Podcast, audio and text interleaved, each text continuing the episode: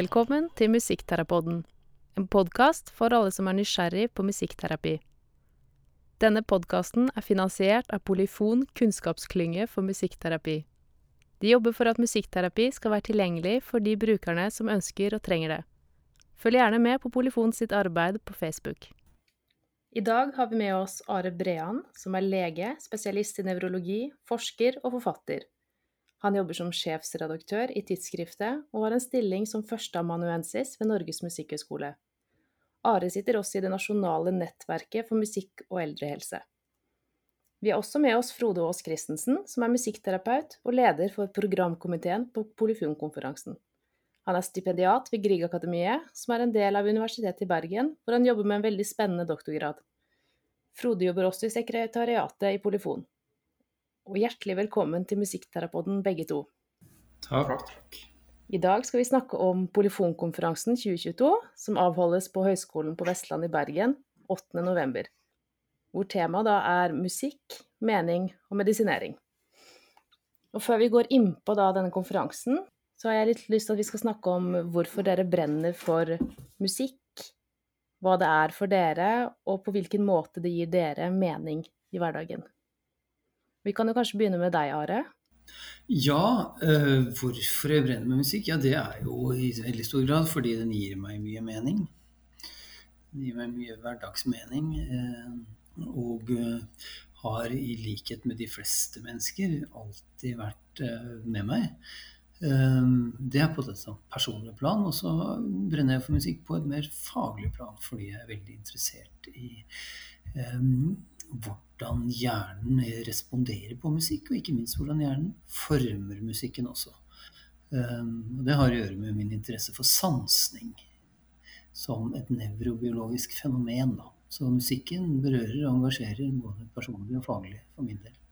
Og for deg, Frode, hvordan, hva tenker du om musikk, du som er musikkterapeut? Denne kona mi eh, lurer på hvorfor er du musikkterapeut, for du hører jo aldri på musikk. Eh, jeg hører litt på musikk, men kanskje mindre enn mange andre. Jeg er litt sånn som hver gang jeg blir skikkelig grepet av musikk, nå mener jeg virkelig grepet av musikk, så tenker jeg liksom noen ganger at dette er siste gang. Så jeg akkurat meg litt behov for å eh, rasjonere på de høydepunktsopplevelsene. Og jeg kan fremdeles bli overrasket hver gang jeg blir skikkelig berørt av musikk. Eh, så det er akkurat som det er noe litt sånn dyrebart som jeg ikke vil at skal forsvinne, eller noen skal tulle med. Og det må jo være fordi at det kanskje gir en type intensivering av eh, opplevelsen av å være levende eller noe sånt noe, da. Så det er vel kanskje det beste svaret jeg kan gi på, på hvorfor musikk er viktig for meg. Men så har jeg i tillegg, da, som musikkterapeut, jobbet med å finne fram til at de meningsopplevelsene for andre, da, særlig i jobb på eldre mennesker eh, på sykehjem, som jeg har gjort mye. Og det er jo eh, Ja, det er jo bare veldig slitsomt og veldig gøy. Ja. ja, det kan jeg kjenne meg igjen i. Det er vel sånn ofte for musikkterapeuter, tror jeg, at det er både og med musikken. Dere skal jo begge to delta på Polyfonkonferansen.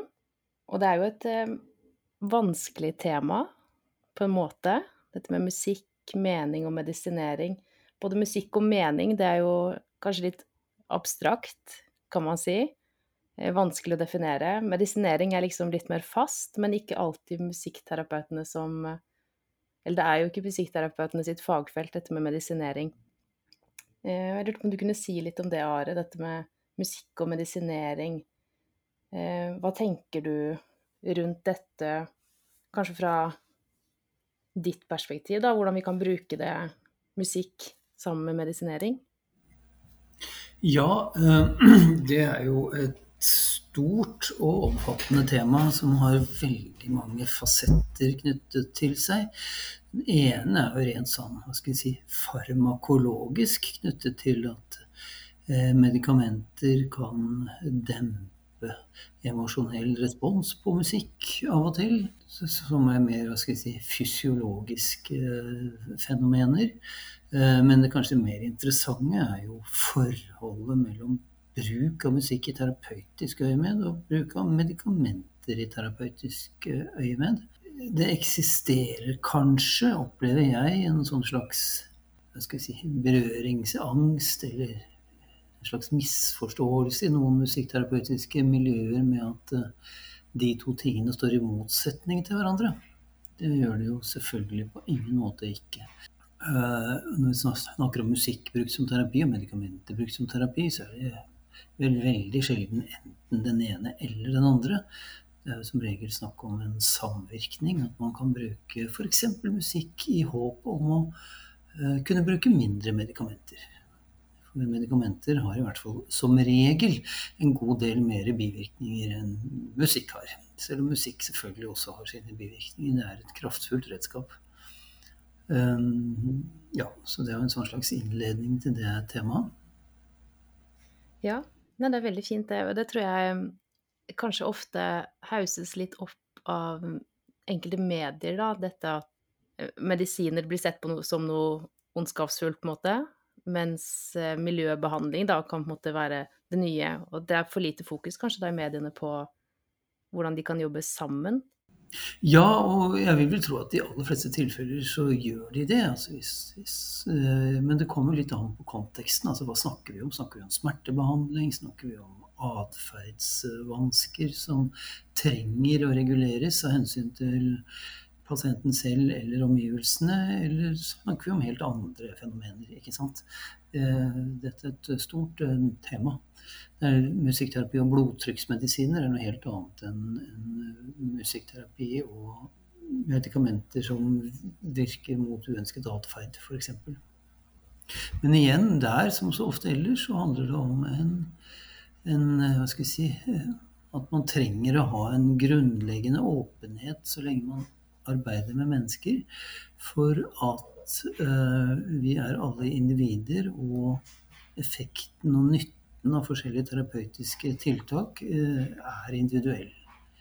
Så uh, vi kan trenge medikamenter av og til, og vi kan trenge musikkterapeutiske intervensjoner av og til for å oppnå det ønskede målet.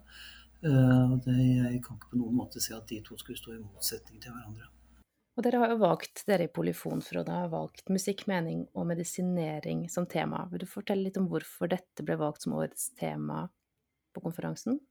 Ja, det er flere grunner til det. Eh, vi ble utfordret av eh, Riber-fondet om å engasjere oss mer, altså Polyfon generelt, da, engasjere oss mer i, i det i hvilken grad musikkterapi kan eh, supplere eller noen ganger erstatte uheldig medisinering.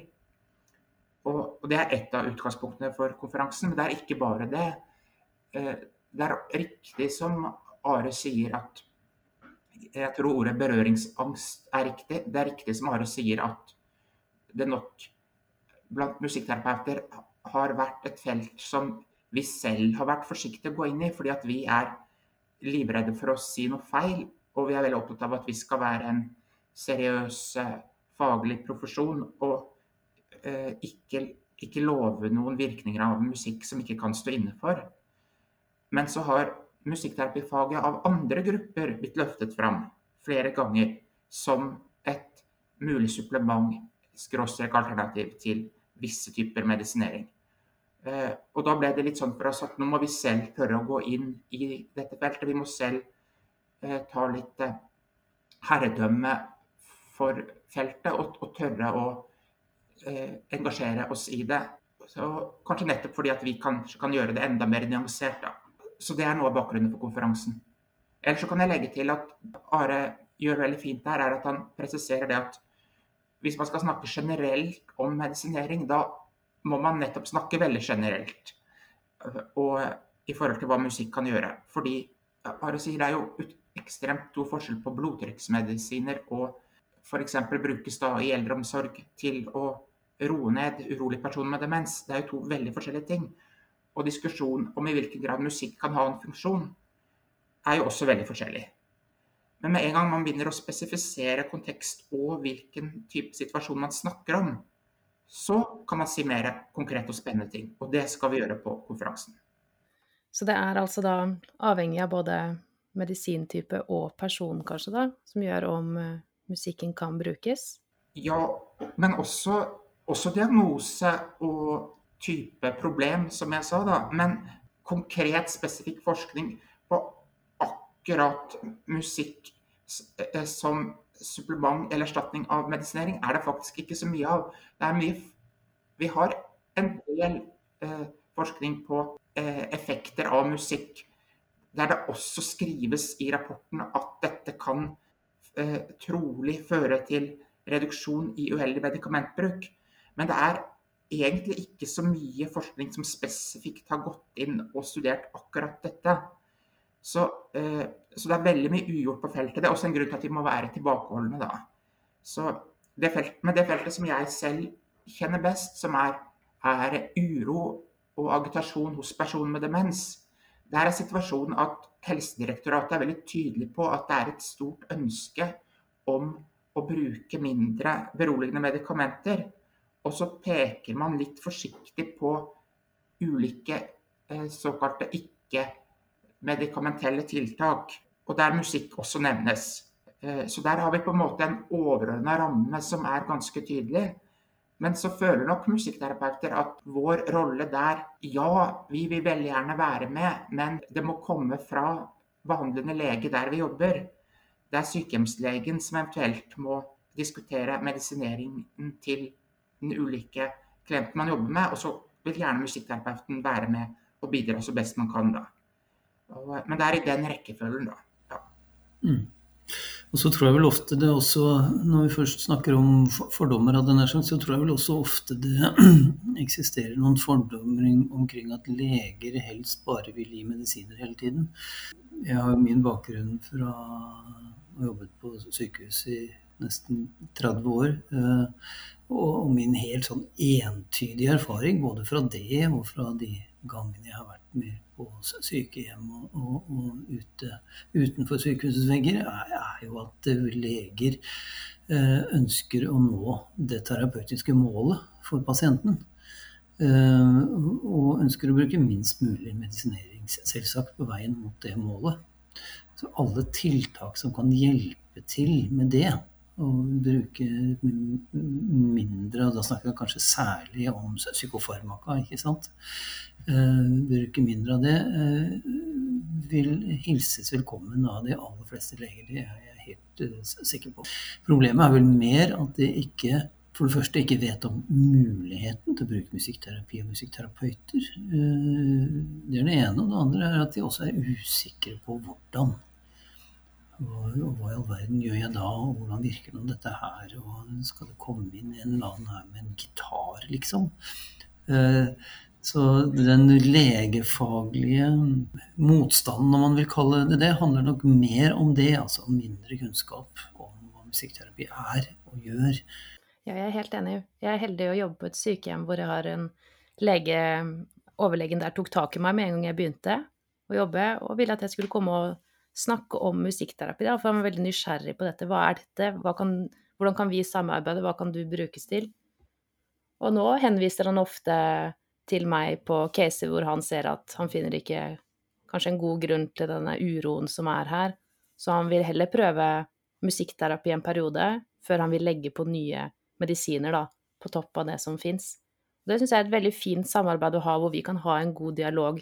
Så jeg tenker at det er på en måte jeg er enig i at det kanskje er et ufortjent dårlig rykte mange leger har med dette med å legge medisiner på topp og på topp og bare ha fokus på det. Men jeg tror den vinden på en måte har snudd, og at andre ansatte på sykehjem hos oss ser i hvert fall det at uh, hos oss uh, velger som regel å teste ut musikkterapi eller andre miljøtiltak da, med våre pasienter. Det tenker jeg er veldig fint. Men det tror jeg også er litt fordi musikkterapi er mer synlig nå enn tidligere. For det er som du sier at hvis man ikke vet hva som finnes, eller hva vi kan brukes til, så er det jo ikke noe du vil velge å prøve ut heller. Mm. Nei, og så er det en del skal vi si, vinner, en del trender. Uh, dette handler om selvfølgelig også den personsentrerte medisin, såkalt personsentrerte behandlingen, uh, er jo noe vi stadig hører mer og mer om. Og, mange er jo opptatt av det at, når det gjelder bruk av medikamenter, og igjen snakker jeg om i atferdsmodifiserende øyemed, så har vi god evidens, men vi har evidens på gruppenivå. Den personsentrerte medisin handler jo om å ta personen som individ inn i vurderingen av hva slags behandling man skal gi. Og alle typer personsentrerte tiltak opplever jeg i hvert fall nå blir mer og mer ønsket velkommen. Både på sykehus og sykehjem når det gjelder atferdsmodifiserende tiltak. Og der seiler musikkterapi opp som både en av de mer kraftfulle og, og, og, og en av de som veldig ofte er ønsket av pasienten selv. Eller klienten, som dere vel kaller det. Ja.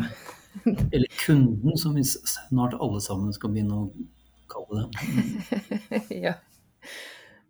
Men hvordan tenker du rundt dette med hvorfor musikk Hvorfor velger de musikk? Hvorfor er dette noe de ønsker? De ulike ja, klienter eller beboere eller pasienter som vi har. Hvorfor tror du dette er et ønske blant de? Kommer folk ofte til, til musikken fordi altså Så enkelt som at det er noe gøy, noe tiltrekkende, noe de har lyst på. Så, man ofte, så det er ofte musikken i seg selv som skaper kontakten og skaper motivasjonen. Det er litt viktig, for også i forhold til det vi snakker om nå, den instrumentelle, mulige bruken av musikk, da, også til å være med å redusere musikk, medikamenter som man ønsker å redusere bruken av. Så jeg har også veldig god erfaring med at samarbeid med sykehjemsleger og har alltid opplevd veldig tillit og interesse. Men det er litt sånn hvis, det, hvis en lege har kommet til meg og sagt kan du jobbe med, med Gunnar som er deprimert, så, eh, og vi vil gjerne at eh, han skal bli mindre deprimert, og vi vil ikke bruke så mye antidepressiva, for det er kanskje ikke så bra for Gunnar. Men da kan jeg si ja, det kan jeg prøve, men jeg må høre med Gunnar først. Og så får jeg høre hva Gunnar syns eh, om at jeg skal komme og jobbe med han. Og så kan det at depresjonen kanskje blir bedre, det vil i så fall være en, det som Hanne Mette Ridder og Brynulf Stige og noen andre har kalt for en indirekte effekt av å få de psykososiale behovene møtt. Og det er noe av det som gjør det litt komplisert. Det at det må være personsentrert, er et ekstra lag med kompleksitet som gjør at ja, det går an å forske på det, og det går an å vi har noe evidens, og kanskje mer i framtida også, på at man får sånne konkrete, spesifikke effekter som reduksjon i uro. Men det kommer ofte på en indirekte måte, eh, så det er ikke nødvendigvis fra A til B. Og det gjør at måten vi må snakke om det, og hva vi kan love og hva vi ikke kan si, noen ganger blir litt mer komplisert enn det andre ønsker seg. Og Det er en slags fristelse for musikkterapifaget som jeg syns er viktig at vi står imot. Vi må bevare den litt kompliserte måten å snakke om det på. Eh, ikke fordi at vi ikke har tro på det vi driver med, men fordi vi ikke vil at vi skal drive noe med som den pasienten, klienten, kunden eller Gunnar ikke er enig i selv. Mm.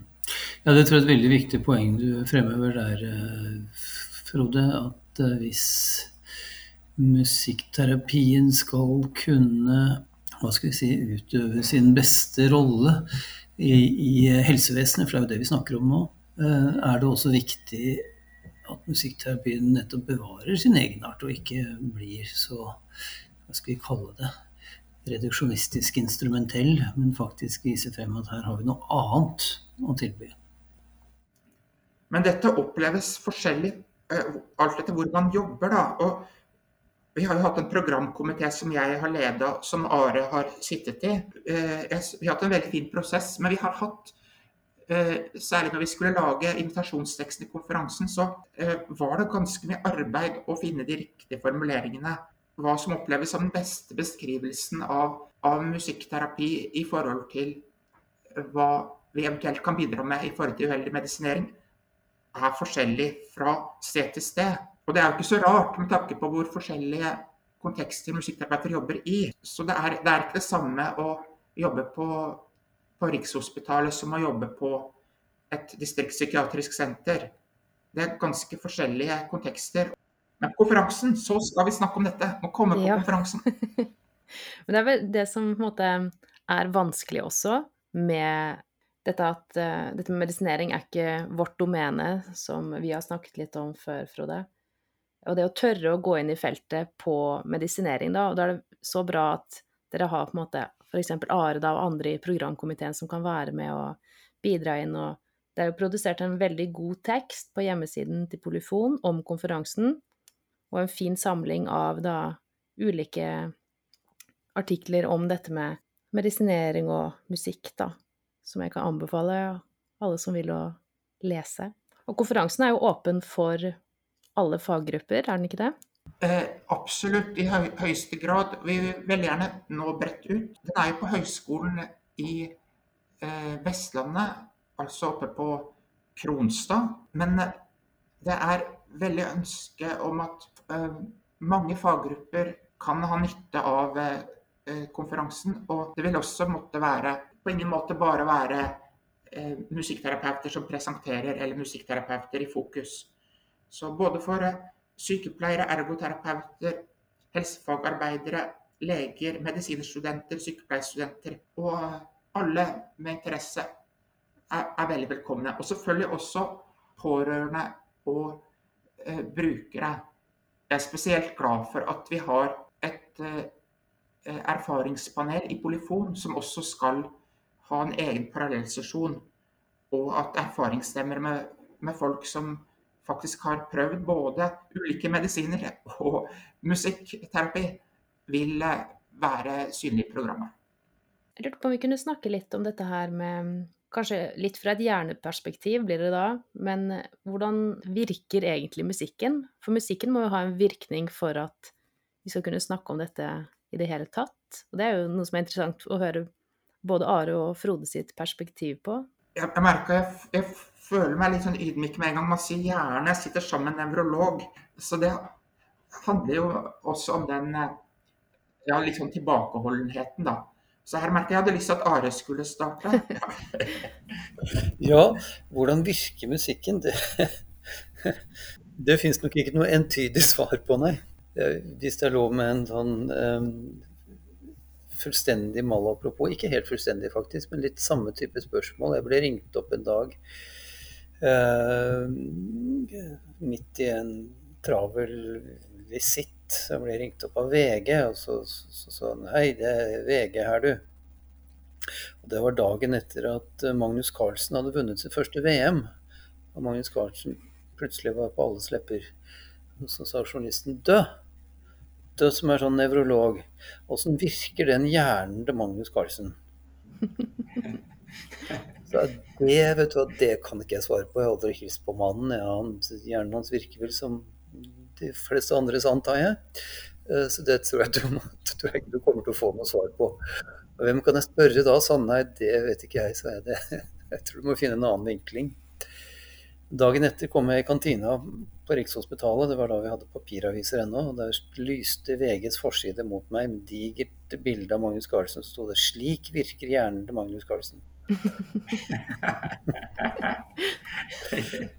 så noen hadde han tydeligvis funnet som ville svare på det spørsmålet. Så når du spør meg hvordan virker egentlig musikken, så, så tror jeg ikke det er så lett å svare på det. Men det kommer selvfølgelig an på hva slags kontekst og hva vi egentlig snakker om når vi snakker om virkning. ikke sant? Um, men hvis vi skal tenke skal vi si, terapeutisk da, i et rehabiliteringssammenheng f.eks., så er nok sannsynligvis én av musikkens mange virkninger, men kanskje den viktigste når det gjelder akkurat rehabilitering, er at musikken øker hjernens nevroplastisitet. Altså hjernen endrer seg jo hele livet. ikke sant? Vi får nye forbindelser mellom cellene våre. Det danner seg nye baner. Noen forbindelser forsvinner, andre kommer til og styrkes osv. Eh, all denne nevroplastisiteten det er jo grunnlaget for alt vi lærer og kan og husker og vet. Du har aldri den samme hjernen når du legger deg om kvelden som når du sto opp sammen morgen. Den endrer seg kontinuerlig. Men den nevroplastisiteten den er litt forskjellig avhengig av hva slags inntrykk vi får. Eh, emosjonell aktivering f.eks. det øker nevroplastisiteten. Og en av de tingene vi vet øker nevroplastisiteten aller mest, det er musikk. Musikk som berører oss. Eh, sånn at musikkens effekt på å øke nevroplastisitet er nok en viktig grunn til at den i flere studier har vist seg effektivt med musikkterapeutiske teknikker i rehabilitering etter f.eks. hjerneslag eller andre typer hjernesykdommer. Så det er én av musikkens mange virkninger. Men igjen, det kommer helt an på kontekst. selvfølgelig. Når vi snakker om musikk brukt i det vi sted kaller atferdsmodifiserende øyemed, altså uønsket atferd, uro i demens f.eks., så er det helt andre typer mekanismer som er i spill. Hvordan tenker du på det, Frode? Ja, hvis jeg kan få kommentere litt det Are sier nå, så, så satt jeg og tenkte på at Og nå må kanskje Are korrigere meg hvis jeg sier feil, men jeg syns ofte at når nevrologer blir spurt f.eks. som Are ble av eh, VG her, da, så forventer nå legfolk da, forventer at eh, vi kan mer om hjernen enn det vi kan. Og forventer enda mer spesifikke og konkrete svar. Og at, eh, at dere ofte må formidle at ting er mer komplisert og mer usikkert enn det mange tror.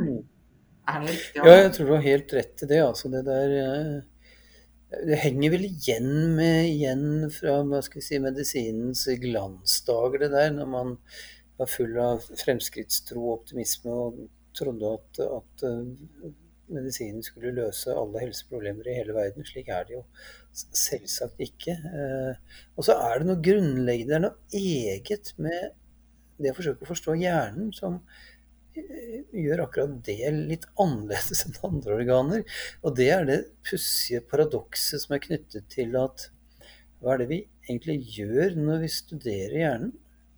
Jo, da er det jo hjernen som studerer seg selv. Tenk på det. Ikke sant? Vi forsøker å forstå hjernen med hjernen vår. Eh, og dette selvrefererende paradokset i hjerneforskningen er tenker jeg, verdt å grunne litt over. at Vil vi noen gang komme til bunns i denne forunderlige strukturen som er den mest kompliserte vi kjenner til i hele universet. Sannsynligvis vil vi ikke det, for en struktur kan sannsynligvis ikke forstå seg selv fullt ut. Eller som noen har sagt det, hvis hjernen var så enkel at vi forsto den, så ville vi være så enkle at vi ikke forsto den. Så jeg tror du har et veldig viktig poeng der, altså, Frode. Dette er, dette er, ikke, dette er ikke matematikk, liksom. Det er ikke nødvendigvis fasitsvar på nøyaktig hvordan hva virker. Vi er nødt til å forholde oss til empiri. Altså vil si rett og slett se. Undersøke hva som virker og hva som ikke virker. Ja, for jeg synes at litt på samme måte som jeg sa at når jeg ble spurt om kan du prøve å helbrede depresjonen til Gunnar med musikk, så sa jeg ja, jeg kan prøve, men jeg må snakke med mm. Gunnar først. Følte at det var litt samme du måtte si til journalisten da, at hvordan virker hjernen til Magnus Carlsen? Jeg vet ikke, du må snakke med Magnus først. Da. Ja. Så, så, det var det som gjorde litt inntrykk på meg, da, at det er noe av den samme tilbakeholdenheten. Og det er i den diskusjonen om, om bl.a. Eh, de medisinene som brukes mye i psykiatrien, så er veldig tydelig at mange tror at det er enda mer spesifikk og helt sånn konkret eh, sikker kunnskap akkurat om hvordan eh, medisinene virker, og at de kan virke på helt liksom, spesifikke biter av hjernen helt direkte. Og det En av grunnene til disse diskusjonene er såpass betente, er at eh, det gjør litt inntrykk på mange når de skjønner at, at det er ikke fullt så enkelt. da. Blant annet nå i sommer så, så var det mediefokus på at det var i forhold til den såkalte serotoninhypotesen eller depresjon, at depresjon skyldes en kjemisk ubalanse i hjernen, at det er altfor enkelt å si at det bare handler om serotoninnivå. Det er sånn jeg har trodd selv som legmann at det var ganske sikkert. Så, og så har jeg gradvis tatt til meg at fullt så enkelt er det ikke. Og sånne ting gjør inntrykk på folk. Og også utløser da en sånn diskusjon også om antidepressiva. da. Er, er, dette riktig? Arne? Ja da, det er et veldig godt eksempel, akkurat det der med, med antidepressiver og den såkalte serotoninhypotesen, da, som liksom har postulert at, at depresjon såkalt skyldes for lavt nivå av serotonin i hjernen, den, det er jo tilbakevist for lengst. Hvorfor i verden fikk vi den hypotesen? Tja, det er jo en veldig besnærende, enkel og reduksjonistisk greie å forklare sine pasienter. Nå skal du høre her at du er, eh, du er, deprimert fordi du har for lavt serotonin, og her får du en pille som øker det nivået. Det er jo veldig enkelt og greit å forklare det på den måten. men så er jo dessverre ikke verden så enkelt. I realiteten så vet vi at antidepressiver virker i alle fall på en undergruppe men vi vet ikke helt hvorfor, eh, annet enn at serotonin har noe med saken å gjøre. Og det har også en lang rekke av de andre signalsystemene i hjernen.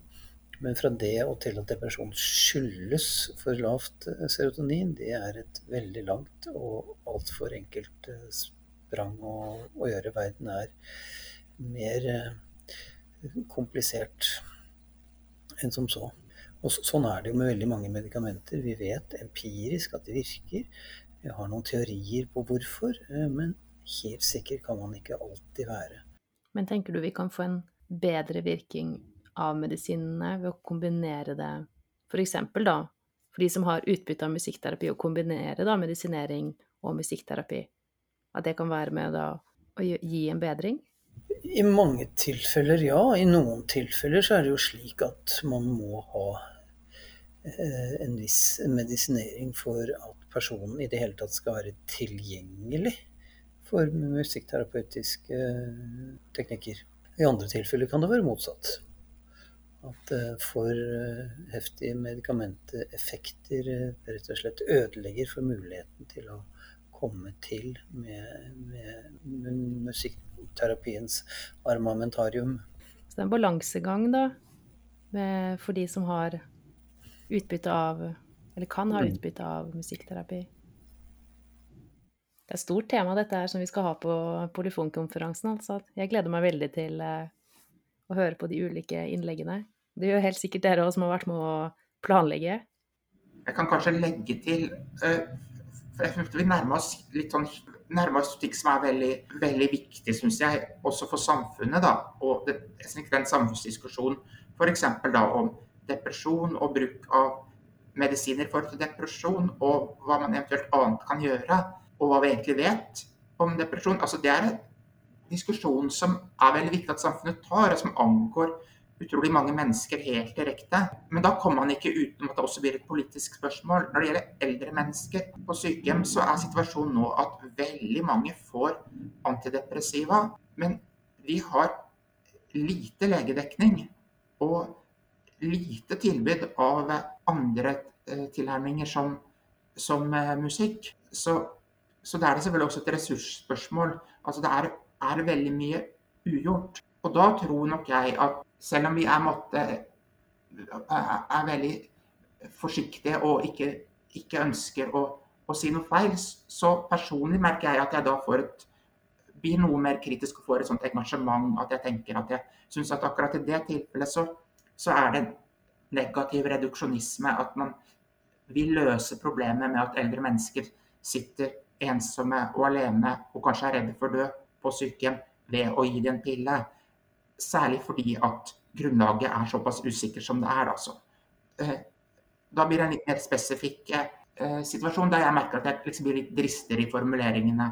Og, og, kanskje også et litt mer sånn følelsesmessig engasjement vekkes i meg. da. Men der det ønsker jo som musikkterapeut så ønsker jeg jo selvfølgelig at det skal være flere musikkterapeuter og flere mer musikk. Men jeg ønsker i høyeste grad det skal være mer leger og psykologer.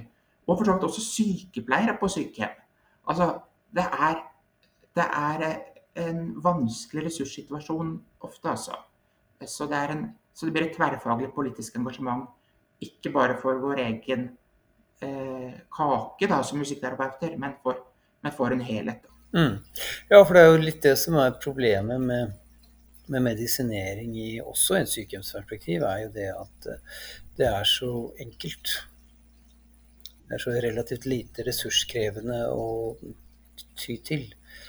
Men så er det ofte veldig feil svar på spørsmålet. Er, altså, hvis spørsmålet er 'jeg er så ensom', eller jeg trenger en hånd å holde i, og svaret er uh, mer medisiner, så, er jo det selvsagt feil svar på spørsmålet, men, men allikevel det er så besnærende enkelt. Så det er jo litt som du sier, det, dette handler jo om kompetanse, selvfølgelig, men det handler også rett og slett om nok folk, nok ressurser, nok prioritering av den fasen i livet. Ja, for medisiner de dekker jo ikke de psykososiale behovene som vi har når de ikke er dekket, så kan jo det igjen føre til dårligere psykisk helse. Så det blir på en måte en ond sirkel, da. Ja. Eh, jeg har et siste spørsmål som vi pleier å ha. Det er bare å, Vi pleier alltid at eh, gjestene våre kommer med et musikktips til lytterne. Skal jeg starte? Jeg, det vel, jeg husker ikke hvilket nummer det er, men siste hornkonserten til Mozart, den syns jeg er fin. Ja. ja. Har du noe hvor, hvorfor syns du den er fin? Eh, jeg, har, jeg, tror jeg kanskje er var Norges dårligste valgtornist eh, som tenåring. Virkelig, altså. Jeg, har, jeg, skulle prøve å lære å spille horn, og det klarte jeg aldri.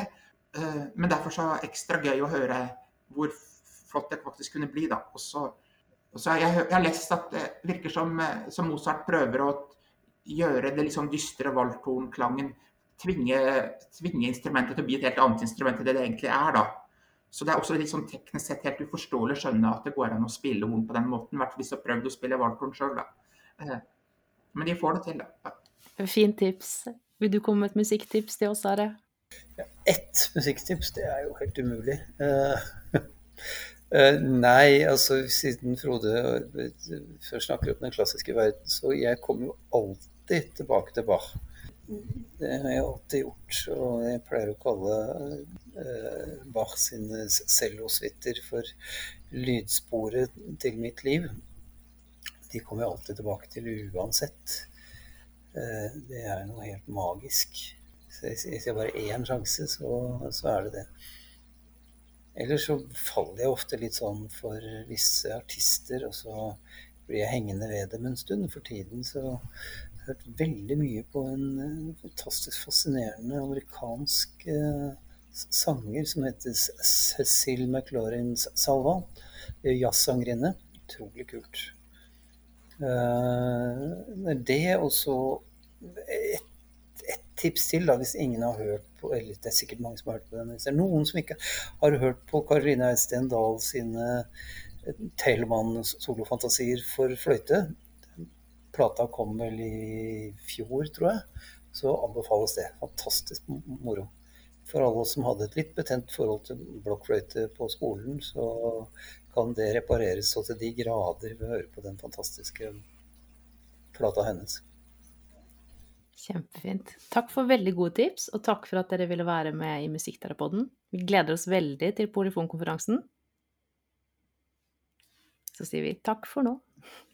8. november. Det er bare til å legge seg i sovepose utenfor for å få de beste plassene.